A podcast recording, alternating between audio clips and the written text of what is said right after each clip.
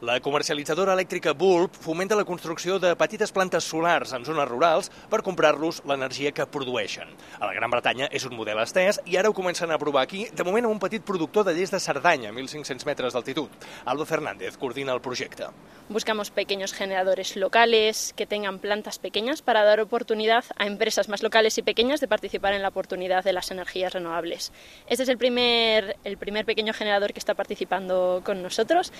Aquí a Llers estan fent proves amb un veí que ha construït una granja solar d'uns 2.000 metres quadrats. És al mig del bosc, però passa molt inadvertida. Té unes 400 plaques que poden generar 100 quilowatts. Ven tota l'energia directament a aquesta empresa. Es algo que se ha empezado a hacer hace muy poco y estamos intentando pues cambiar el enfoque, ¿no? Y que no siempre sean estos grandes parques los que al final eh, nos den esa energía renovable, sino poder extender la oportunidad.